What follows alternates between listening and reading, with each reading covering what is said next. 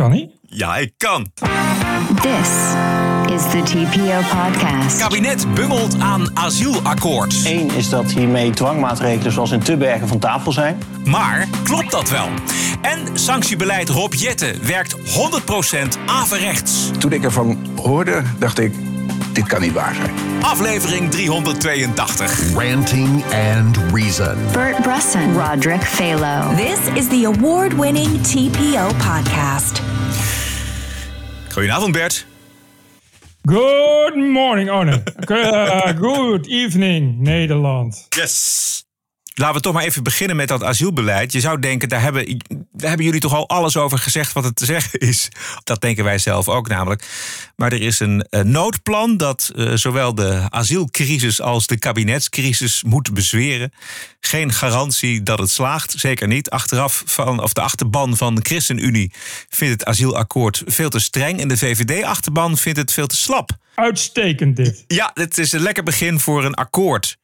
Een van hen is uh, de VVD-fractievoorzitter Sebastiaan Vliegen in Voerendaal vanmorgen bij Radio 1. Wij vrezen dat Nederland te aantrekkelijk blijft op de lange termijn. Dat betekent dat er nog steeds mensen naar Nederland blijven komen. En we zien dat nu in de opvang, de hoge aantallen die er op dit moment zijn in relatie tot de hoeveelheid opvang hier is, dat de grondwettelijke positie van de gemeenteraad is aangetast. Want wij worden gewoon gebypast. Ja, als je kijkt naar de vier belangrijkste pijlers waar dit akkoord op uh, rust, dan is het uh, die gezinshereniging wat wordt uitgesteld. Er voorlopig uh, geen mensen meer ophalen in Turkije. Dat scheelt geloof ik duizend vluchtelingen per jaar. En overlastgevers krijgen een eigen onderkomen. Dat hebben we al vaker gehoord. En er komen 10.000 flexwoningen bij. Dat is eigenlijk een beetje wat Erik van den Burg eerder omschreef als harder dweilen met de kraan open. flexwoningen is allemaal leuk en aardig. Maar eerst maar zijn paal in de grond slaan dan, is het niet. Dus dat je ook denkt van ja, wanneer gaan die komen? En dat is eigenlijk bij, uh, bij alles zo. Dat klinkt allemaal leuk.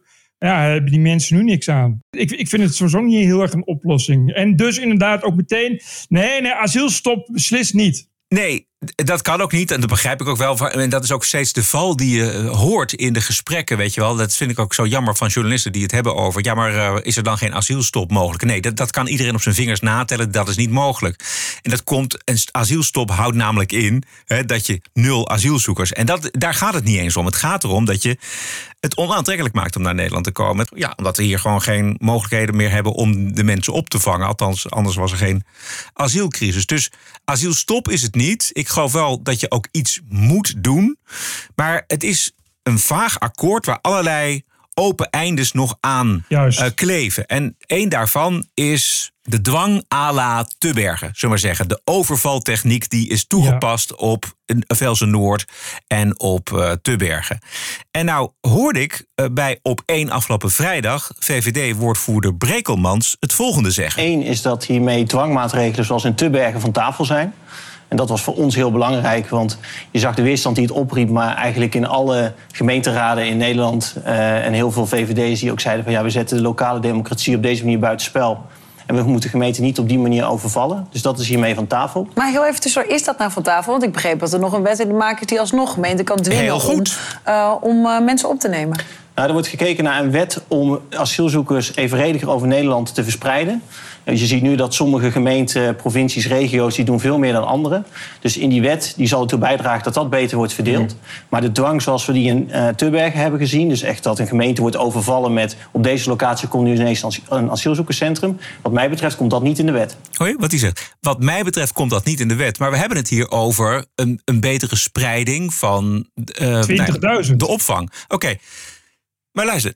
Betere spreiding. Dat betekent toch automatisch dat je gemeente gaat dwingen? Ja, dat, zo las ik het dus ook. Dus er stond de, dat er dus inderdaad 20.000 uh, asielzoekers wordt dan gespreid over Nederland. Uh, momenteel is er geen gemeente die asielzoekers wil opvangen. Laat staan 20.000. Dus dat moet je dus gaan dwingen. Zo las ja. ik het ook, eerlijk gezegd. Ja, precies. En wat heeft Van de Burg hierover gezegd op de, zijn persconferentie van afgelopen vrijdag? Het volgende. De wet die gaat over de verspreiding van asielzoekersplekken over heel Nederland. Uh, dat we die voor 1 oktober in consultatie uh, zullen geven. We streven naar ingangsdatum 1 januari Dat is voor een deel natuurlijk ook aan eh, de Kamers. Maar wij zullen in ieder geval onze bijdrage leveren door die voor ehm, eh, 1 eh, oktober in consultatie te geven. Ja. Spreidingswet in consultatie. Dure bewoordingen voor. eh, we leggen het ter inzage en bestudering aan de mensen. en dan kan erop worden geschoten. Onder andere door de VNG, de Vereniging van Nederlandse Gemeenten. Maar Ja. is de verplichting nou van tafel, ja of nee? Dat is de vraag. Vrijdag werd er expliciet toch nog naar gevraagd door een wakkere journo. Meneer Van den Burg, één ding is me er niet helemaal duidelijk over uw eh, eh, uitleg over die spreiding van de asielzoekers. Eh, begrijp ik hier nou uit dat die wet om gemeentes te kunnen dwingen van tafel gaat, of komt die er alsnog? Nee, die wet die moet voor 1 eh, oktober in consultatie eh, zijn. Want dat hebben we beloofd aan eh, eh, de VNG en eh, de veiligheidsregio-voorzitters. Oké, dus die komt wel. Ja, precies. Dus die komt er wel. Dus wat Brekelman zegt van eh, die, die dwang is, is eruit, dat is dus niet waar. Dus in plaats van 300 asielzoekers kan Turweg straks rekenen op 20.000 asielzoekers. Als het even tegen zit. Ja. Maar nee, maar, nee, maar serieus. Het is dus eh 300. Het is dus, ja, de, zeg eh, keer 100. Is, eh, weet je, dus nu krijg je niet alleen Turweg, maar straks heel veel gemeenten. Ja, Krijg precies. dus exact, met exact hetzelfde te maken. Ja, exact. Maar met in de hoop dat je dus niet 3000 mensen in Tubbergen hoeft te plaatsen, maar inderdaad eh, eh, 300 of misschien wel 200 of mi- misschien wel 100. Ik bedoel, ik begrijp de spreidingsgedachte, begrijp ik, begrijp ik heel goed. Maar zeg dan niet, beste Brekkelmans, dat de dwang eraf gaat. Want als je wil spreiden in Nederland, dan moet je wel dwingen. Van de Burg doet alsof nu eh, een probleem is opgelost. Maar dit is gewoon meer het verplaatsen van het probleem. Er zijn dus geen gemeenten die heel veel asielzoekers willen opnemen. Nee. Dat is precies het probleem. Precies. En wat hij dus nu denkt is het volgende. We, gaan, we hebben de VNG nodig. Want we, dat, dat, dat, dat verzet organiseren, dat eigen verzet organiseren... dat heeft ook inderdaad allemaal geen zin. We gaan een wet, toch een wet ter spreiding gaan we ontwikkelen. En dat gaan we met eh, de VNG kortsluiten. En dan hopen we dat eh, ja, met behulp en goedkeuring van de VNG... wij met enige dwang al die asielzoekers kunnen spreiden. Ja, 20.000. Hij doet alsof hij het over 100 heeft. Ik vind ook echt, als je dit, als je gaat zeggen, ja, maar we gaan een wet en dan gaan we 20.000 asielzoekers gaan we spreiden, dan weet je, oh, dit is wel goed bevallen. Volgende week gaan we er 50.000 verspreiden. Want het hele probleem is dat er dus geen plek is. En al laat staan voor 20.000 asielzoekers, dan kun je dwang, en dwingen wat je wil. Het wordt niet beter. Kijk, aan de bevolking wordt niks gevraagd. Daar, dat, dat, is, dat is duidelijk. Stel je voor. Dus het- er wordt gekeken naar, nou ja, zoals we dat in Nederland altijd gedaan hebben, polderen met de organisaties. Dus in dit geval de VNG eh, hopen ze erachter te krijgen. En dan gaat de VNG wel in conclaaf met gemeenten. En die gaan dan met harde of met zachte dwang gaan ze dan proberen die, die mensen te spreiden. En er zit nog iets anders aan dat akkoord. De nareizigers gaan wij later vragen. Het is nu zo dat als het lukt om een asielstatus te krijgen, dan mag je binnen negen maanden mag je dan je familie laten overkomen. Ja. De vraag die ik nog niet gesteld heb gehoord is dat die familie dus blijkbaar op een plek zit waar het veilig is. Of waar ze nog niet weg hoeven. Ik bedoel, hoe, hoe, hoe, Ja. zit, hoe zit dat precies? Dus, Hoe, hoe werkt dat eigenlijk? hoe werkt dat? Als het gaat om mensen die in Turkije zitten of mensen die op een andere plek in de wereld zitten, die zitten daar blijkbaar nog veilig. Ja, ja, kennelijk. Anders zouden die vrouwen en kinderen ook wel meevluchten. Ja, dat zou ik precies, dat is het. Nu gaat er één iemand naar Nederland, naar. Europa vooruit, precies. Om te, om te kijken of, of de rest van de familie ook eh, bij kan krijgen. Ik las dat er 350 alleenstaande kinderen nu, minderjarige kinderen zonder ouders daar in Ter Apel zitten. Dat is een record. Ja, Ja. Ja. dat Dus die is. sturen nu gewoon hun kinderen vooruit. Ja, Zo. wat voor ouders ben je dan? Ja. Ik weet het niet. Ik denk dat Leo Lucas er wel een antwoord op heeft. Ja, dat denk ik ook wel. Hm, Maar ehm, ja, dit eh, la- later, eh, later mag dus niet van de ChristenUnie, begrijp ik nu weer. Nee, precies. Dat is, de ChristenUnie is eh, natuurlijk van het gezin. En zeker van de gezinshereniging. Dus dit gaat, dit gaat, dit gaat de christenen absoluut te ver. Ja, dus we hebben nu een kabinet waarbij het CDA tegen eh, D66 is. En VVD tegen zowel de VVD als tegen de ChristenUnie. En ChristenUnie tegen de VVD. Eh, en dat moet dan allemaal gaan samenwerken en heel blijven. In een kabinet waarvan je nu al weet dat er nog. Of een kabinet, een land waarvan je nu al weet dat er nog wel wat crisis in het verschiet komen, want het is nog geen winter. de grote eindtijd, eh, die komt nog. Die begint ergens zo eh, in oktober. Als mensen allemaal eh, de verwarming niet meer kunnen betalen. Ja. Hè? Nou, dit klinkt lekker. eh, Het klinkt allemaal heel lekker degelijk. Ik moest ook heel erg lachen toen ik dat las. Ik dacht van ja, kijk, die ChristenUnie heeft natuurlijk ook gezien. Luister, wat, eh wat VVD'ers kunnen en wat eh, Hoekstra kan, dat kan dan natuurlijk Gertjan Segers ook wel straks, als het even moet. Wat bedoel je? Dus die gaan dan, nou ja, klagen over dat ze niet eens zijn met de akkoorden. Ja, ja, ja. Het kabinet laten jou- struikelen, bedoel je? Ja, nou, klagen over de, over de gemaakte afspraken. Ja. Dit zijn natuurlijk gewoon leden, en vooral eh, eh, gemeenteraadsleden, geloof ik, die toch wel nu zich gesterkt zien in de mogelijkheid om ja, ook te laten zien waar zij het niet mee eens zijn. Mhm. Als je een echt natuurlijk een devoot ChristenUnie-lid bent, die zit in de gemeenteraad, dan volg je natuurlijk de partijlijn. En de partijlijn is, ja, we hebben een regeerakkoord en dat hebben we al met z'n allen afgesproken en dat gaan we uitvoeren. Maar ja, dat is dus sinds Hoekstra en sinds de VVD, die een beetje tegelijk kwamen, is die angelde wel een beetje uit. En dat is dus ook de reden waarom je kabinet steeds instabieler wordt. Want dat werkt alleen als je in moeilijke afspraken maakt, zoals nu. Dus, dus je zit eigenlijk met een D66-kabinet, waar hard rechts ja, toch eigenlijk alles heeft moeten inleveren. Dat kan, maar dat werkt alleen als je iedereen op dezelfde lijn houdt. Ja. En, maar ja, als er dan één schaap over de dam is, volgen er meer. Ik zou eerlijk gezegd hetzelfde doen als ik ChristenUnie was. Want wat je zegt, ja, gezin en kinderen, dat is natuurlijk precies, precies de hoeksteen van, van de ChristenUnie. Precies, ja. Je, Ja. je, kan ook, je kan er ook niet, ja, je kan daar eigenlijk niet onderuit. Je kan niet zeggen als ChristenUnie, ja, maar ja, weet je, we gaan die principes even verlogenen. Ja, want dat is een beetje waar je hele partij op drijft, natuurlijk. Ja. Zit- Asielopvang is natuurlijk, natuurlijk belangrijk voor een mede, medemenselijkheid en mededogen en dat soort dingen. Dat is typisch ChristenUnie. Ja. Het kan best dat er een aantal maatregelen zijn die, die werken. Maar het voelt heel erg dit akkoord als een aantal maatregelen om het kabinet met plakband bij elkaar te houden. Juist. Het voelt heel erg VVD, kortom. Ja. Zoveelste keer. Ja. ja. Dit, het, het voelt eigenlijk, het, het, het riekt ook gewoon weer allemaal naar ja, een soort Ankie Broekers knol mentaliteit. Plakken hier een pleistertje en daar wat touwtjes en dan, eh, dan gooien we dat in een pot en dan roeren we erin en dan doen we een hele grote dikke laag, doen we een soort verkoopsaus erover. Daar zijn we met z'n allen heel goed in, zowel VVD als D66. We gooien allemaal marketing tegenaan, een paar leuke tweetjes. Het is gewoon heel simpel. Niemand zit dus op asielzoekers te wachten. En dat heeft volgens mij een belangrijke reden, is dus de veilige, is dus de veilige landingers die overlast komen veroorzaken. En Want er is al zoveel beloofd over veilige landers. Eh, over, over mensen terugsturen, over minder instroom. Wat dan, als het dan allemaal niet werkt? Brekelmans vanmorgen bij Sven Kokkelman op eh, Radio 1. Op het moment dat er blijkt dat er nog meer nodig is, dan gaan we daar weer verder over praten. En gaan we iedere keer weer kijken wat, eh, wat er extra moet gebeuren. Wat bijvoorbeeld?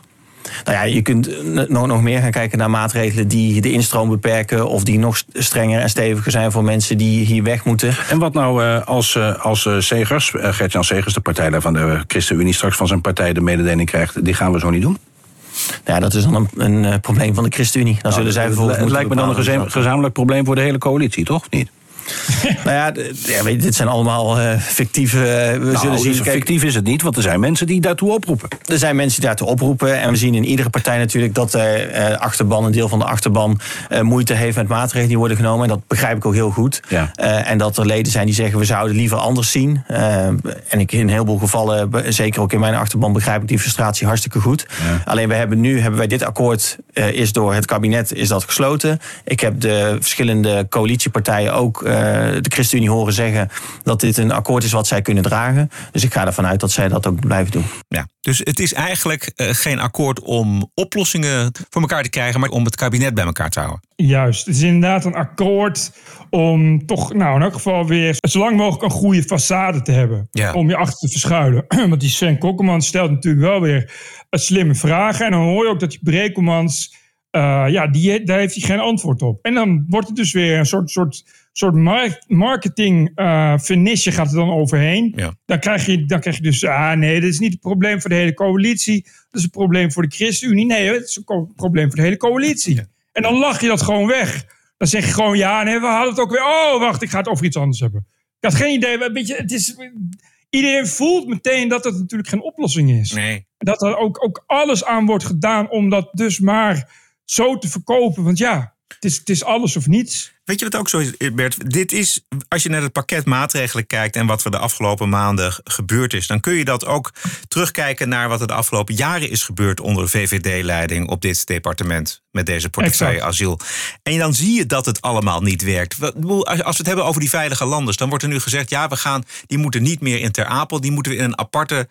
Op een aparte locatie gaan we die opvangen. Ja, dat is al lang gebeurd. Ik kan me nog wel herinneren dat Ankie Broers-Knol het had over mariniers die dan de jongens in de gaten moesten houden. Oh ja, precies. Je kunt die mensen niet opsluiten. Ook niet voor wat ze gedaan hebben. Dus dat is eh, in- en uitlopen. Ja, dat maakt allemaal verder niks uit. Precies. Ja. Ja, ik, eh, eh, zondag voorspelde Maurice de Hond het volgende: dat de finale klap voor het politieke stelsel is aanstaande. Eh, hij schrijft dus inderdaad over hoe groot de verschillen nu zijn. Eh, hoe groot de verschillen zijn tussen, tussen CDA en VVD onder andere. Eh, hij zegt ook van ja, we hebben nog een half jaar tot de provinciale statenverkiezingen. En dan- dat is tevens de Eerste Kamerverkiezingen. En dan, hij schrijft, over zes en een halve maand krijgen we de finale klap van het politieke stelsel zoals we het tot nu toe gekend hebben. Omdat dus de regeringspartijen, wat ze nu nog aan wetten gaan uitvoeren, dat komt dan niet meer door de Eerste Kamer. Want de Eerste Kamer, als het kabinet überhaupt nog blijft bestaan tot die tijd, tot een half jaar, Ja. eh, zit, is de Eerste Kamer bestaat straks uit ja, BBB en ja 21 en eh, PVV en dat soort dingen. Ja. Dus, dus een soort, soort precies tegenovergestelde van wat nu een kabinet is. Ja. En in die, datzelfde bericht van Maurice de Hond las ik ook dat de VVD, zowel VVD als D66, 12 zetels verliezen. Dat ze geloof ik, de Ja. hele, de hele coalitie staat nu nog maar op 44 zetels. Ja, VVD op 20 en D66 op 12. Tjonge, jonge, jonge. Eh, wat Maurice de Hond heel goed schrijft, terecht, even die alinea voorlezen. Ja. Door gebrek aan onderhoud in de afgelopen 20 jaar en het gemis aan een gevoel van urgentie in politiek Den Haag, inclusief bij de parlementaire pers, is ons systeem niet toegerust om de grootste crisis van na de Tweede Wereldoorlog goed aan te pakken. Nou ja, dat lijkt me inderdaad vrij helder omschreven. Ja. 20 jaar. En dat is dus al 20 jaar eh, toch, ja, wat we net dus bespraken, een soort, soort plakband- en touwtjesbeleid. Ja. Op die, ik, ik was een opvallend moment ook nog op die persconferentie van Rutte. Ja, ik heb verder niks uitgeknipt, maar wordt opeens Wouter de Winter die vraagt op een gegeven moment namens de Telegraaf natuurlijk van eh, hoe zit dat eigenlijk met het draagvlak? Heeft u een enige idee dat het draagvlak enorm aan het afbrokkelen is? En dan zegt hij gewoon letterlijk: nee, ik geloof niet dat het draagvlak echt een probleem is.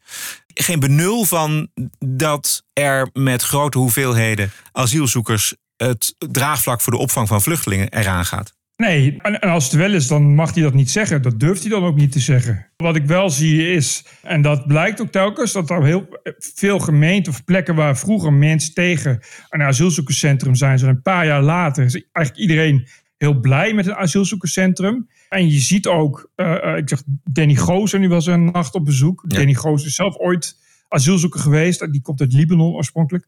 Eh, ja, veel van die mensen die zitten zijn eh, hele aardige, normale, eh, slimme mensen die, die prima Engels spreken en hoog opgeleid. Maar het is dus telkens dat kleine groepje van waar, waar ook ik, weet niet, ik geloof dat ik dat in de Volkskrant las. Oh ja, daar was met die kop was veel wat ze doen. Echt kleine clubjes inderdaad, Marokkaanse jongeren en overige tuig, waar echt iedereen, inclusief de normale asielzoeker zelf, last van heeft. En als je die angel eruit kan halen, ah, dan ben je al een heel stuk verder. Ja, dan ben je wel een heel stuk verder. Maar dan kom je natuurlijk daarna zit je natuurlijk wel op een enorme bevolkingsgroei. Die, Ja, dat wel. Nee, precies, neem maar dit alleen qua draagvlak. ja, ja, je hebt het over, die, over de kop van eh, de Volkskrant, bedoel je? Terwijl het was nog ook nota bene een stuk van Jarl van de Ploeg.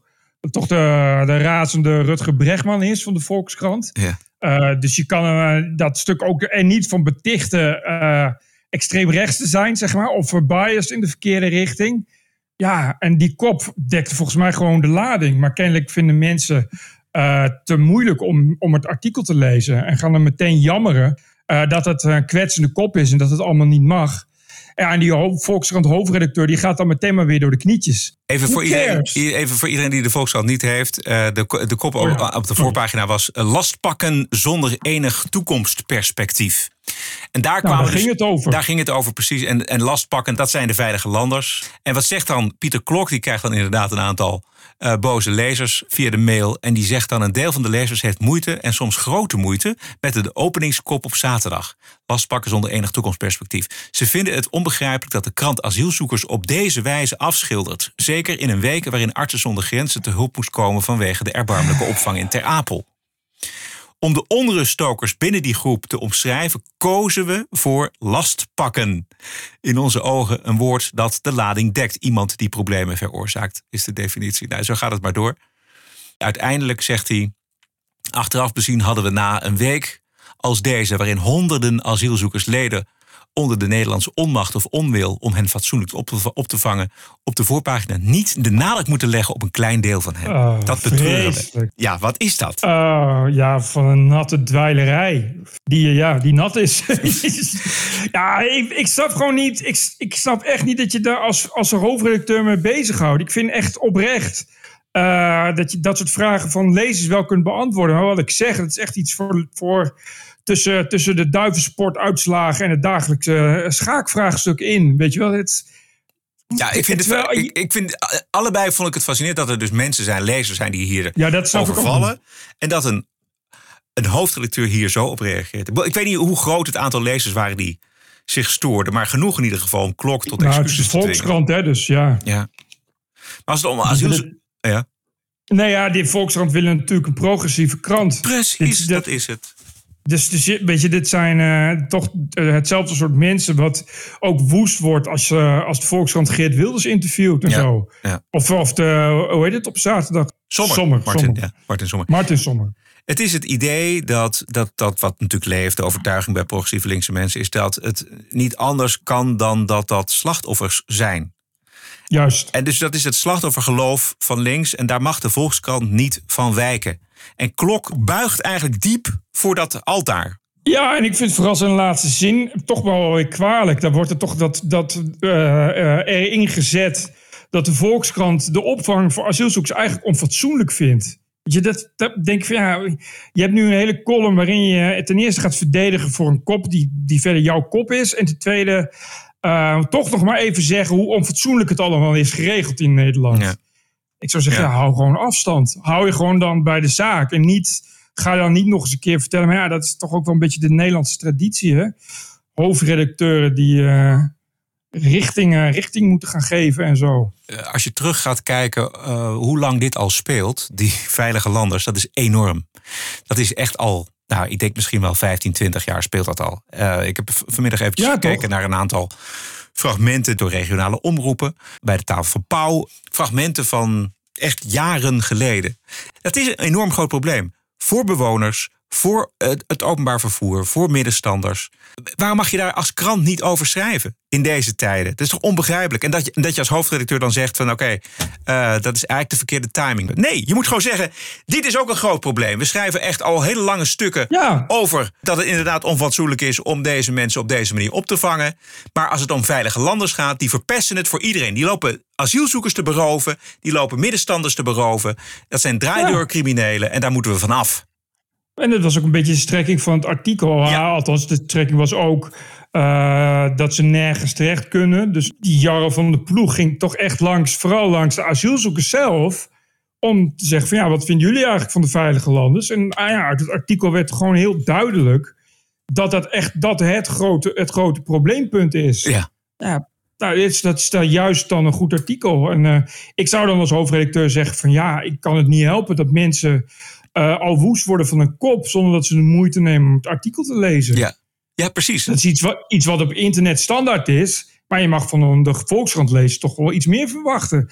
Ik zou ook dat zeggen. Ik zou zeggen, nou, ik had van mijn lezers wel iets meer verwacht eigenlijk. Dan, dat, eh, dat was goed geweest. Maar zo zie je dus maar ook hoe angstig die kranten, ook de hoofdredacteur, zijn ja. Voor, hun, voor hun abonnees. Nou ja, precies. Dat je denkt van ja, waar, waar, waar, waar ben je bang voor? Weet je, voor, voor eh, zo'n Twitterstorm eh, waarin Mico Floor toch een soort van, inmiddels een soort van, eh, Waar, waar ik hem echt mee wil feliciteren. Maar dat is toch een soort van linkse versie van Reisa Blommestein geworden. Dus Mico Floor is echt de omgekeerde Reisa Blommestein. Dat Mico Floor dan 328 tweets. vroeger was dat die Sibren. Ik weet niet of die er nog is. Maar goed. Eh, weet je, dat je denkt van ja, who cares? hè? Je mute die gast gewoon. Blok hem gewoon. Ja. Who gives a fuck? Ja. Goed. Nog meer last pakken. Of hebben we het wel Eh, gehad? Nee, dat, dat was het wel weer. Zo'n beetje qua, qua last pakken, geloof ik.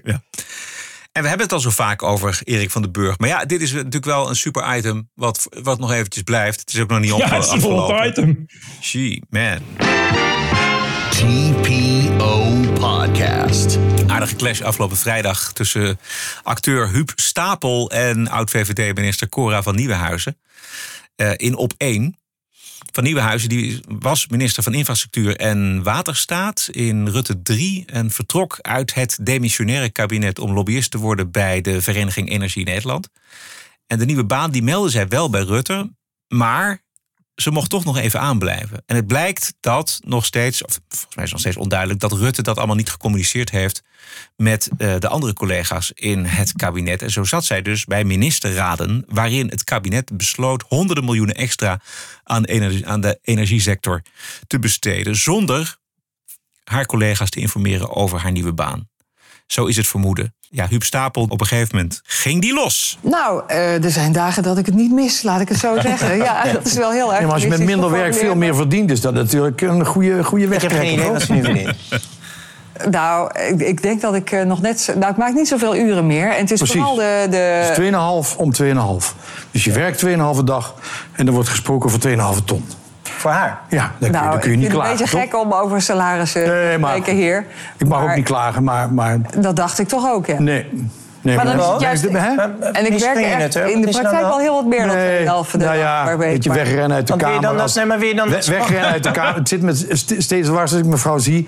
Dan herinner ik me dat moment dat de VVD wegrende uit de kamer... toen er over een minimale salarisverhoging voor de verpleging moest worden Wat gestemd. heeft dat met mij Toen te renden ze weg. En nu gaat mevrouw, omdat ze meer geld kan verdienen uit de kamer... Ja, dan staat mijn Dit verstand. is echt onzin, de- dit. verdedig je, want Nou ja, dus, eh, ik, de kabinet was al heel lang demissionair. Ehm, er was sprake van dat het nog drie weken zou duren voordat er een nieuw kabinet zou komen. Ik dacht eh, er juist goed aan te doen om te zorgen dat ik een andere baan had. eh, en dat je niet lang in het wachtgeld eh, terecht zou komen. Eh, want het was echt sprake van op dat moment dat het kabinet bijna klaar was. U weet net zo vier jaar ik. me voor de goede zaak ingezet. 27 jaar onafgebroken politiek verantwoordelijke functies gehad. Dus ik vind dit echt onzin. Ja, ik heb echt mijn verantwoordelijkheid genomen. Maar het was, tegen, het naar- was tegen een Europese regel, dat wil ik maar even kwijt. Het mocht is- niet volgens een Europese regel. Dat is en niet waar. deed Er was wel een Ik heb discussie mij aan alle regels te ook Ja, in. Nederland. Maar goed, eh, mevrouw van Nieuwhuis is nu voor iets anders, eh, anders eh, te Voor gast. 2,5 ton. Ja, voor iets heel belangrijks. Ja. Nou ja, ja, we gaan straks inderdaad praten over de rol van de energiebedrijven... die vrij, vrij essentieel is in dit, eh, in dit debat natuurlijk. Eh, maar eerst ander nieuws, sportnieuws. Dat laatste doet het heel erg mooi, mooi, mooi. Ja, die Huub Stapel is best wel baas. Ja. Ja. Vreselijk, hè? Eh, Zo'n op één. Het gaat om het draaiboek, draaiboek. Weet je wel. Dit is op zich was het hartstikke Juist. interessant. Ja. je, Ja. hoort, je hoort ook die paniek, zelfs bij Jort Kelder. Huh? Oh, dit was, niet, dit was niet waarvoor we Huub Stapel hadden gevraagd. Die moest eigenlijk gewoon... eh, ik weet niet waarom die er zat, maar ja, het is ongetwijfeld... eh, was hij de BN'er van dienst. Ja. Die, eh, die dan ineens allemaal kritische vragen gaat stellen aan de minister. Ja. Tijdens het talk zo, daar moet je ook niet aan denken. Die presentatrice hoor je ook denken van... oh, we lopen uit met het draaiboek en dat kan niet. Dus we moeten snel naar het sportnieuws. Is zo Hey, verschrikkelijk. nou, dat je- ik vind het zo mooi dat je ook hoort, je hoort er eh, echt een knijterharde discussie. Eh, en dan, nou, maar die minister die zit er voor heel belangrijk over energie. Dan denk je, oké, nou, dat is eigenlijk ook belangrijk. Maar eerst sportnieuws. Ja. het, is wel- het geeft het wel een beetje in een notendop wat, wat het probleem met de Nederlandse media is, denk ik dan. Ja, ja. En ook dit, die, die eh Welmoed Seidsma is dat. Die gaat nu voor WNL een mooi, leuk entertainmentprogramma presenteren. En dat heet, geloof ik, The Bodyguard. En dat zijn eh, acht kandidaten. Die willen allemaal bodyguard eh, worden. En twee bekende bodyguards gaan dan onder begeleiding van Welmoed Seidsma... gaan dan eh, tegen elkaar strijden wie de beste bodyguard van Nederland wordt. Leuk, hè? Ja. Dus dan krijg je dus Welmoed Seidsma die Op avond A gaat ze eh, ja, een, een leuk, leuk, leuk entertainmentprogramma met de diepgang van een platgeslagen mug gaat ze presenteren. En op avond B is ze kritische journalist bij op 1. Dat vind ik zo mooi. Ja. Multi-inzetbaar. Ik moet opeens denken nog eventjes aan de tekening van Peter van Straten. Die heeft heel lang gehangen bij eh, RTV Noord-Holland, waar ik eh, ook eh, lange tijd gewerkt heb. Ja. En dan zie je dus een verslaggever, nou ja, eigenlijk in een soort van ruïne staan. Ambulances en politieauto's voorbij rijden. Er is echt een crisissituatie. En dan staat hij met zijn microfoon zo. En dan zegt hij, maar nu eerst muziek. Ja, ja precies. Ah, zo gaat het wel al jaren. Al Oh, jaren, al man. jaren. Eh, oh, en dat, eh, ik weet niet of je dat nog mee wilde nemen, maar dat eh, de VPRO, eh, iemand die, die, eh, was vroeger man eh, en die is nu vrouw geworden sinds een paar jaar en die is al eh, 35. En eh, die eh, is, eh, houdt heel veel van voetbal. En eh, die wil dus nu op haar 35ste meevoetballen bij de 15-jarige meisjes. Want ze zegt, ik zit nu pas in mijn vrouwelijke puberteit. Want ja, ze is geswitcht van man naar vrouw. Wow. Dus zij heeft, eh, is ze naar de voetbalvereniging gegaan. En zegt, ja, ik, ben eh, eigenlijk nog maar net meisje. Dus ik ben eigenlijk een pubermeisje. Mag ik meevoetballen bij de 15-jarige? Dat is heel gek. En? Daar zeiden ze nee. En nu vindt ze dat, vindt ze dat marteling. Marteling. En eh, nou zou je denken, nou ja, leuk. Maar goed, eh, dat, die mensen heb je. Gaan we niks mee doen. Lekker kort. Maar nu is dus de VPRO heeft het breed voor deze mevrouw opgenomen. En kritiekloos een documentaire over haar geplucht, over haar marteling. Dus ik dacht, dan is het dus grappig dat als je die vrouw, of man, nee vrouw nu, dus dan naar de Apel stuurt, ga je naar zo'n Syrië toe en zeg je, ja, wat heb jij meegemaakt? Nou ja, ik ben dus in de kerkers van Assad ben ik gemarteld. En daarna werd mijn vrouw verkracht door ISIS. Dus ja, best wel kut leven. Dat je zegt, nou, dat treft. Want ik woon in Nederland en ik mag godverdomme niet eens als 15-jarige bij de oh, als 35-jarige bij de 15-jarige voetballen. Nou, dan schud je elkaar de hand en val je elkaar huilend in de armen, toch of niet? En dat komt dan allemaal op de VPRO, op de publieke omroep. is toch mooi? En dan is het heel gek dat Martin Bosma weer zegt... Goh, al raar, lijkt D66 wel. Ik zoek het even op. eh, Ja, het staat op geen stijl. Oh, Eh, Mosterd, oké. Mosterd had er een topic van gemaakt. Oké, even kijken. Marteling, ze zegt het letterlijk. Marteling, nou, dat begrijp ik wel. Dat is, eh, ja... Oh ja, ik zie het al. Marteling, transgender vrouw, 31, voelt zich 15, mag van de KNVB niet meedoen in het meisjesteam. Marteling. En dat is inderdaad een VPRO-documentaire. Ja. Ja. Ja, gelukkig besteedt de VPRO aandacht aan deze schandelijke vertoning in een emanciperend artikel. Ja. Ik was hier net in het kinderbad en ik werd weggestuurd. Ik zeg, oh, ik identificeer me als driejarige. Dus eh, ik heb de, de VN gebeld. Want ik word hier gewoon gemarteld waar ik bij sta. Mag ik even een klein stukje voorlezen? Nog? Ja. Ja. Het gaat niet om de eredivisie, wordt er gezegd. Ik ben een goede speler, zegt ze zelf. Des te groter was ook dan de verbazing toen er vorig jaar even een buitenlandse transfer lonkte. Tot voor kort reed Marjolein elke zaterdag met een SRV-wagen door Westerbork om vers gebakken croissantjes en andere producten aan de man te brengen. Op een van die ochtenden in de rijdende supermarkt werd ze gebeld of ik in Italië wilde komen spelen. Maar ik spreek helemaal geen Engels. En let op, nu komt het. Ergens denk ik ook dat ze me alleen belden om hun diversiteitsvinkje aan te kunnen vinken. Nou ja. Dus ze heeft inderdaad door dat dit natuurlijk, eh, ja, waar we het al eh, de laatste podcast ook over gehad hebben. Er, er, er hangt iets in de lucht voor wat betreft diversiteit. eh, en als je dat als documentairemaker, als krant, als hoofdredacteur, als je daar iets mee kan, dan eh, ben je goed bezig. Vandaag had de Volkskrant ook op de voorpagina groot het verhaal over de nieuwe maanreis die met een, een vrouw en een, iemand van kleur over een aantal jaren naar de maan gaat. Dat had de NOS ook al. We komen het zo vaak tegen, juist omdat het zo modieus is en omdat eh, journalisten hier eh, op aanslaan. En deze mevrouw weet dat dus ook, want die weet dat het om diversiteitsvinkjes gaat.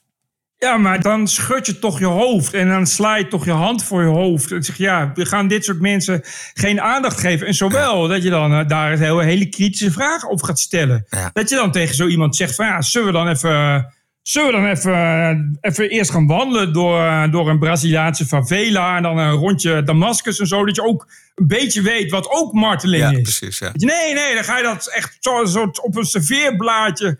Ga je die mensen ook nog eens een keer eh, eh, ja, eh, ondersteunen. Dan ga je dat gewoon voeren. Ja. Ook omdat ze, ja, bij de VPRO weet ik zeker werken mensen die dat echt serieus marteling vinden. En dan weet je, daar is, dat zijn we een eind weg, Ja. denk ik.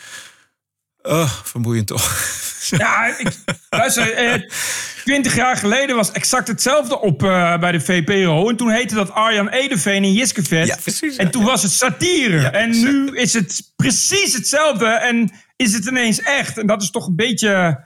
Ja, ik krijg er toch af en toe wat schizofrene, hallucinante gevoelens bij, moet ik zeggen. Precies. Wilt u meer van deze woke shit? Word dan lid van de vrijdagafdeling. In de TPO-podcast op vrijdag, de Wokweek. Ook in de wiskunde valt nog genoeg te decoloniseren. Het absurdisme. You're an adult. Grow up. Deal with it. De terreur. Everything woke turns to shit.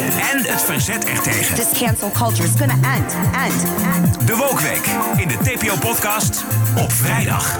Ga naar tpopodcast.nl en dan kom je vanzelf op onze petje af afdeling.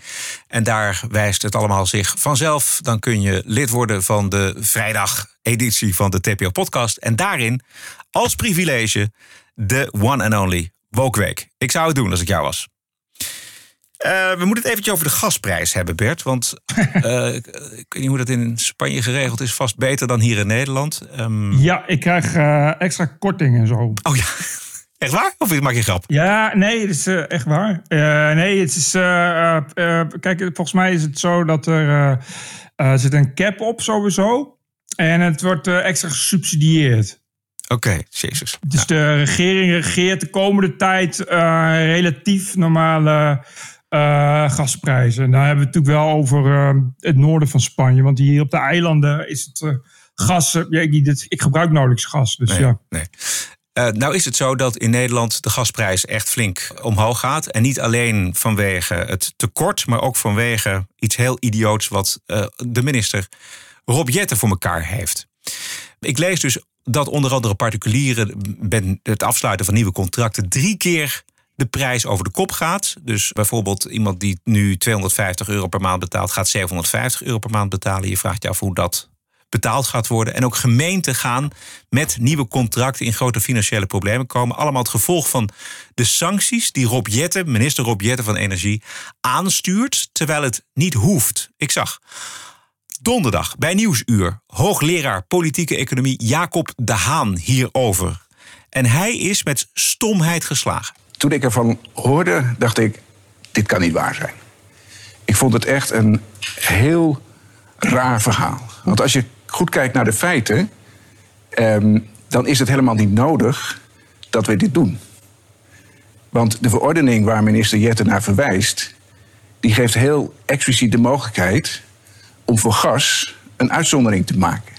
Dus we hoeven het helemaal niet te doen. Eh, en andere landen doen het ook niet. Dus ik begrijp niet zo goed eh, waarom de regering hier aan vasthoudt.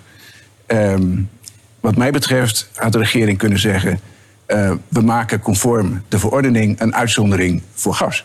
En dan hadden we het hele probleem niet gehad. Ja, want dat stond in de papieren. Dat staat in de verordening. Ja.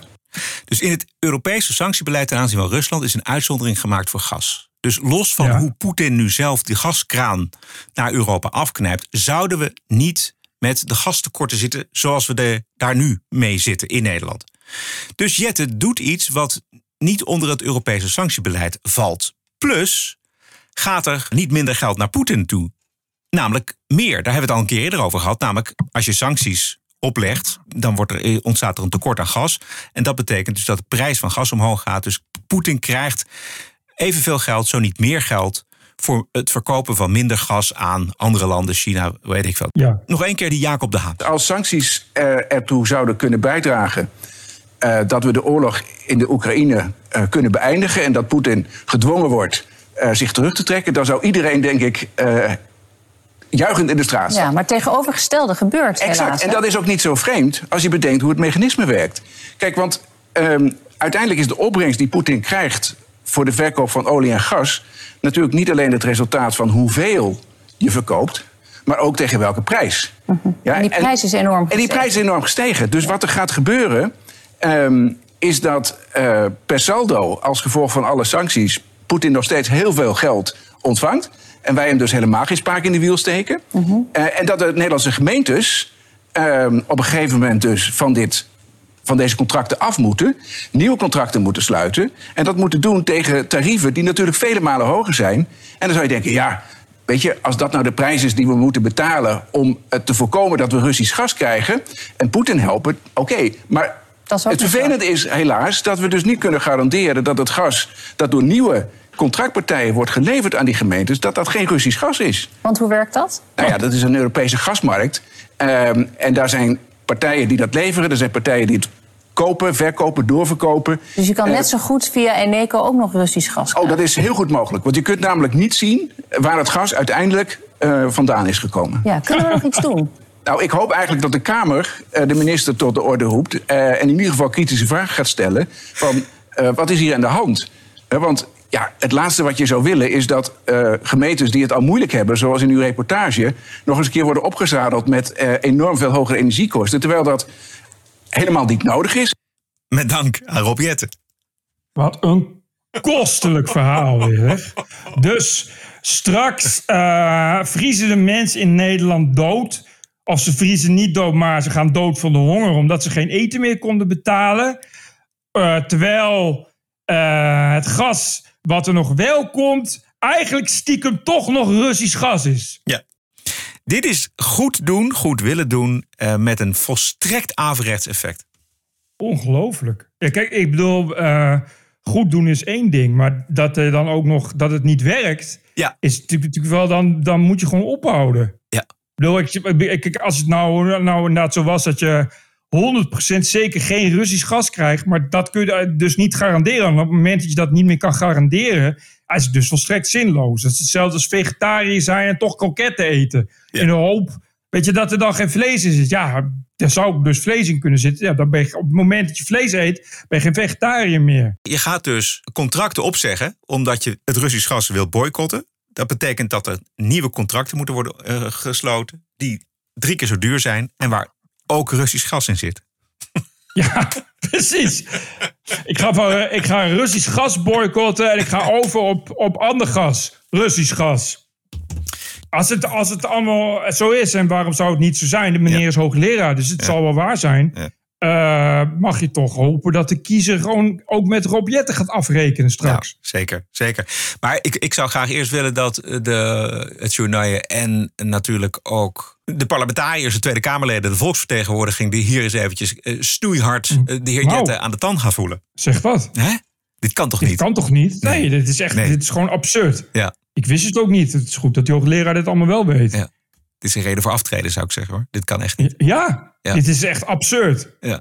Je hebt, ik bedoel, sowieso is het al dat hele beleid, ook het feit dat, dat Poetin eerder rijker wordt dan armer. Ja. Die hele Russische economie is, het blijkt heel veerkrachtig, toch? Veel veerkrachtiger dan gedacht. Dus, dus eh, het verhaal is de hele tijd dat eh, de Russen eh, hier enorm onder lijden. In werkelijkheid eh, hebben die er dus niet zoveel last van. Nou ja, naar Russische maatstaven dan. Komt misschien nog. Ja, en dan, ja, nee, maar en dan, en dan eh, moet je dus straks echt serieus gaan leiden. Echt, echt, echt onbetaalbare gasprijzen voor, voor niks. Voor niks. Jette, eh, Boel hij heeft een, eh, best een, een keurig voorkomen, maar veel verstand van energie heeft hij niet. We hadden al eerder van hem gehoord dat hij niet weet hoe je met kernenergie huizen verwarmt. Dat moet hij dan maar eens in Frankrijk gaan vragen hoe dat dan precies werkt. Maar daar kun je gewoon met, met elektriciteit huizen verwarmen. Dat gebeurt voor iedereen die al eens een keer op wintersport geweest is in de Franse Alpen, weet dat dat eh, verder geen enkel probleem is. Juist. Maar goed, dit is weer een, een misser van, van je welste. Waar echt een hoop mensen natuurlijk enorm veel last van hebben. Ik bedoel, stel je maar voor dat je van 250 naar 750 gaat. Dat is niet te doen. Die crisis wordt groter bij je bijstaat als je dit soort hoort. Dat gaan mensen niet leuk vinden. Dit is wel. eh, Nee, maar ik bedoel, dit is wel. eh, dit is wel de crisis. Eh, zit gaat er hier wel lekker mee extra aan door, denk ik. Je zou zeggen. Ook binnen het kabinet. Ja, ja, precies. Je zou zeggen dat eh, onder deze, dit gesternte, natuurlijk, waarin alles eigenlijk misgaat, dat het kabinet natuurlijk op een gegeven moment ook eh, klapt. En dan moeten we maar zo snel mogelijk nieuwe verkiezingen. En een nieuw kabinet. In Zwitserland is een groep politici die gaan, willen een grondwetwijziging waardoor het mogelijk is om kerncentrales open te houden. Want de Zwitsers hebben, eh, net als eh, veel landen in 2017 geloof ik, in elk geval na de ramp in eh, Japan met de Japanse kerncentrale besloten ook om, om kerncentrales te ontmantelen. Nou, nu komt dat natuurlijk niet zo goed uit. Want er is een elektriciteitstekort. En de grap is dat in Zwitserland je dus een referendum kunt afdwingen. En dat in Zwitserland referenda bindend zijn.